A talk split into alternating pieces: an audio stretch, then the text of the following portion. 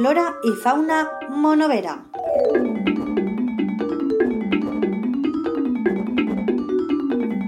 Amb Adrián Alberola.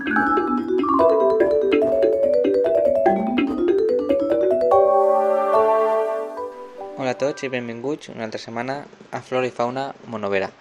En aquest cas anem a xerrar d'un gènere de planta, ja que més o menys totes les espècies d'aquest gènere eh, són molt semblants, tenen alguna diferència, però més o menys es podem agrupar. Estem xerrant de la vareta de Sant Josep, o vareta de Sant José, o vara de, de Sant Josep, i entre altres noms també tenim argènit, cebollí, cibolla, porrací, gamoncillo, gamonc gamonita, cebollana, marranet, cebolla de culebra, cebollada... No? Tenen així uns noms un poc eh, peculiars en alguns casos, però eh, el gènere que estem comentant és Asphodelus és de la família de les eh, liliàcies. Bé, eh, esta, este gènere no? és, una, és una herba eh, bisanual o, o bianual, no? per dir-ho eh, no? d'una forma més clara, no? que té de vida dos anys pràcticament, amb la tija més o menys eh, hueca i eh, ramificada.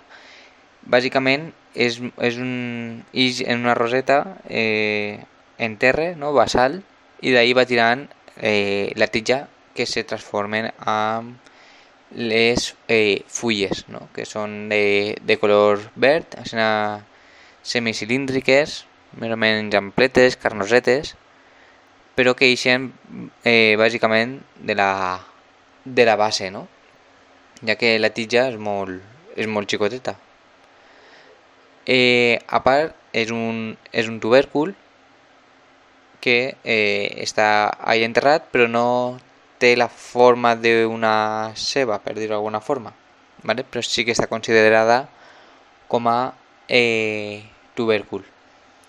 De normal, el, els mesos que fa la floració, que és prou llamativa, ja ho veureu en, en les fotografies o si voleu buscar-la, és en febrer fins a abril, més o menys.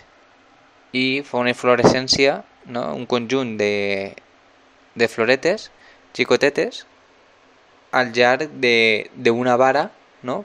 per això lo de la vara de Sant Josep, i van eixint les floretes al llarg d'esta d'esta vara, no? d'este eix. En cada espècie, eh, esta distribució sol, sol canviar. Algunes saca diverses vares, altres es ramifiquen o altres són més grans o una distribució de les flors eh, diferents.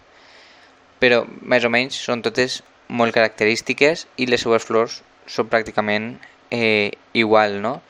Tenim sis, sis pètals i veiem com la part masculina, les anteres, sobreixen eh, més que la part eh, femenina. Solen ser d'un color eh, blanc, així tirant a rosat, amb un nervi eh, central en cada pètal d'un color així més pardo, més oscuret, no? que se nota prou la diferència. Diguem que cada pètal està travessat per, una, per un eix, per un nervit central. És d'un color més amarronat, rojós, púrpura inclús. Després, una vegada és fecundada la flor, se fan una espècie de, de càpsules més o menys globoses, eh, xicotetes, d'un color així, groc, així, groc, amarronat. I dins porta eh, les seues llavors, que solen ser molt xicotetes d'un color gris eh, oscur. Esta planta bàsicament està eh, per tots els jocs, eh, bordes dels camins, camps abandonats, eh, més o menys eh, pastissals, estepes... No? Són jocs on hi molta insolació. No? Eh, esta, este gènere, de forma general, sempre hi eh, excepcions, no? i sempre veureu algun individu que inclús està a la sombra, no? però li agrada més la, la insolació que, que l'ombra, no? Li agrada més, els més, més despejades, no? per dir-ho d'alguna forma. I també els sols que són secs i, i que drenen bé, no? que no s'acumula l'aulla. Per tant, eh, esta planta ens indica jocs eh, secs, no? que hi ha prou sequia, tant de l'ambient com, com del terreny. Eh, esta se sol cultivar, sobretot per això, per, a, per al tema de, de decoració. No és tant per a la jardineria, perquè en dos anys, bueno, a no ser que vagi reproduint-se per els llavors i de més, però teniu en compte que en dos anys aquesta planta eh, moriria, no? Eh, per tant, per a, la, eh, per a la jardineria, a no ser que vagi reproduint-se, eh, és bonica fins a cert punts, no? Al final no sé jo si serà molt rentable, però per als jardins que no voleu que tinguin manteniment va, va molt bé, no? I sobretot eh, la millor fetge per a sembrar és eh, els mesos de març a abril, no? Més o menys. Ser una càlid, una, en, un, en un lloc càlid i, i clar, si no, si no està a més de 15 graus, eh, no germina. Li agrada prou el, el terreny i sempre, per això, un poc d'humitat per a l'hora de la germinació. Eh, a part, eh, tenim unes propietats, no? com sempre fem amb, amb totes les, les plantes, eh, y sobretot eh, esta planta és molt tòxica, no? hay que, hay que dir-ho, però en la etnomedicina, no? eixa medicina regionals, sobretot en, en les poblacions aquestes valencianes, s'utilitzava se, se utilitzava prou, no? sobretot el que és eh, l'arrel, no?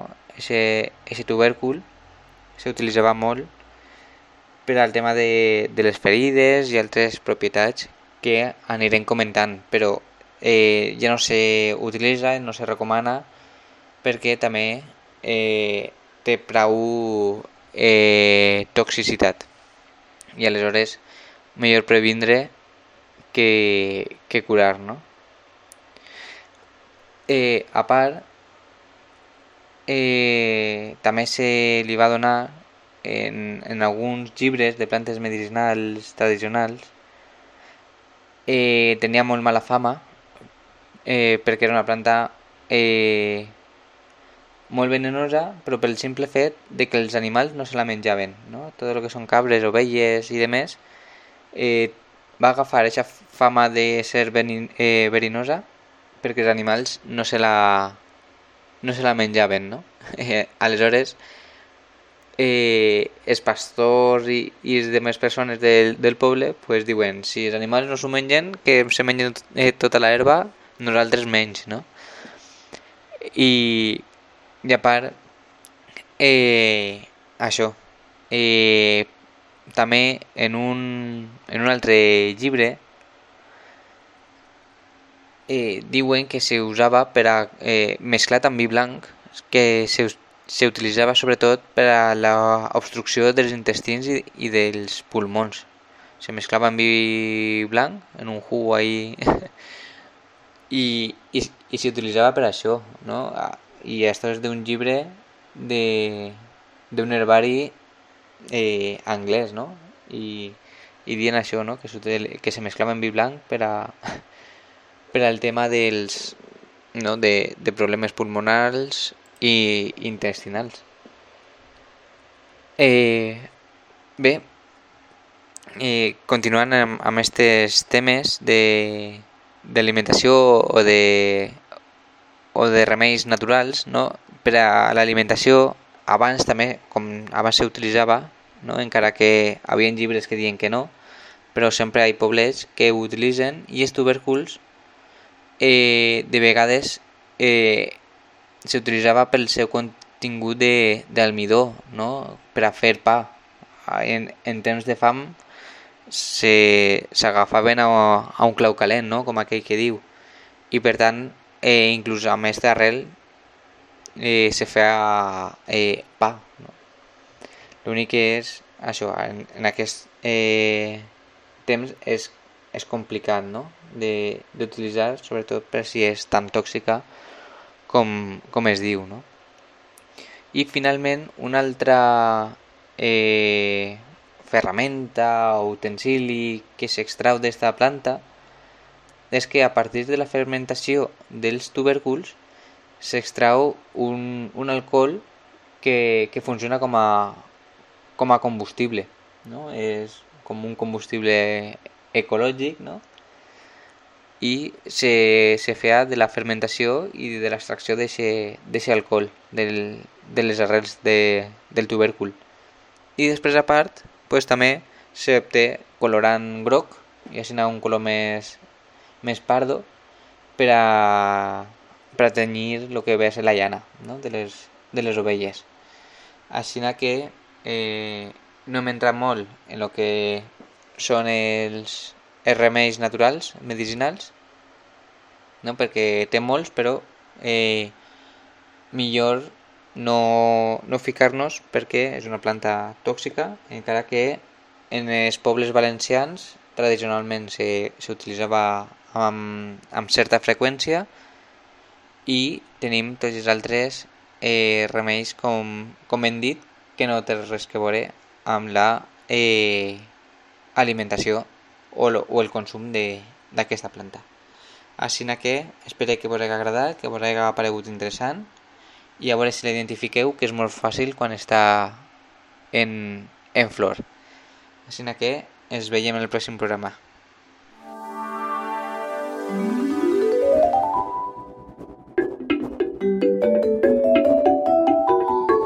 Flora i fauna monovera.